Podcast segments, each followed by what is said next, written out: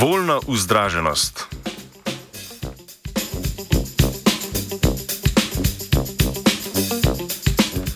Raziskovalna skupina z švicarske univerze ETH Zürich je z vrsto eksperimentov pokazala, da smo ljudje zmožni osvojiti voljno spreminjanje širine zenic in s tem pridobiti nadzor nad vzdraženostjo lastnih možganov. Svoje rezultate je objavila konec lanskega oktobra v reviji Nature Human Behavior.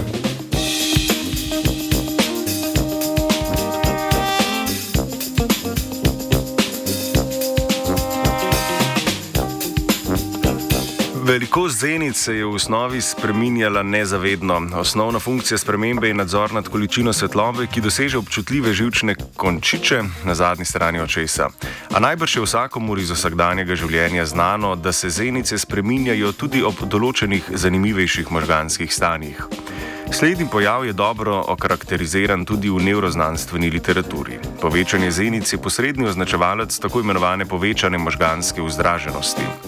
Gre za fiziološko in psihološko stanje, v katerem smo budnejši in pozornejši ter bolj pripravljeni na delovanje in obdelavo informacij. Stanje povečane možganske vzdraženosti pa spremljajo tudi drugi dejavniki, kot naprimer povišen srčni utrip.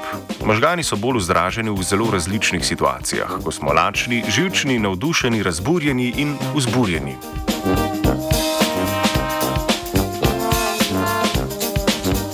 Raziskovalke in raziskovalce je zanimalo, ali lahko naučijo ljudi nadzorovati vzdraženost lastnih možganov. Eksperiment je potekal nekako tako. Najprej so 56 udeleženk in udeležencev naučili nekaj miselnih strategij, ki so se v preteklih raziskavah izkazale kot učinkovite pri spreminjanju velikosti zenic. Za povečanje zenic so udeleženke naprimer dobile navodilo, naj se uživijo v vesele, strašne oziroma druge čustveno nabite situacije. Za zmanjšanje zenic so se po drugi strani morale uživeti v varne, sproščujoče situacije z usmerjanjem pozornosti na dihanje.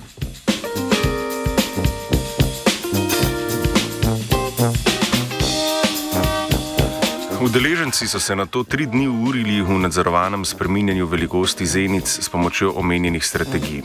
Vsak dan so izvedli 30 poskusov povečanja in 30 poskusov zmanjšanja zenic, vsakič za 15 sekund.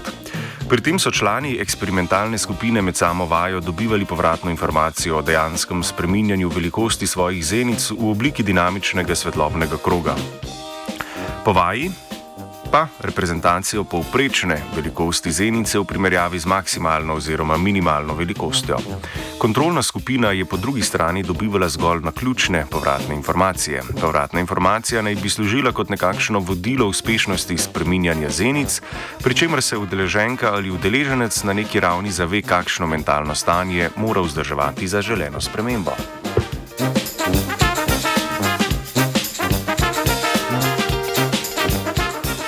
Koncu tretjega dneva sta obe skupini izvedli še 20 poskusov povečanja in 20 poskusov zmanjšanja velikosti zenic s pomočjo naučenih strategij, a tokrat brez povratne informacije.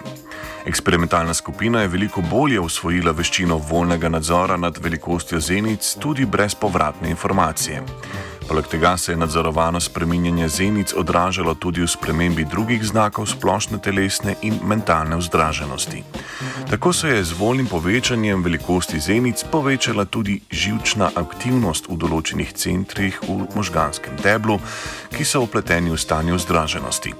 Poleg tega so se spremenili tudi drugi telesni označevalci vzdraženosti, naprimer srčni utrip. Raziskovalna skupina navaja, da bi takšno učenje s povratno informacijo potencialno lahko začeli uporabljati v kliniki.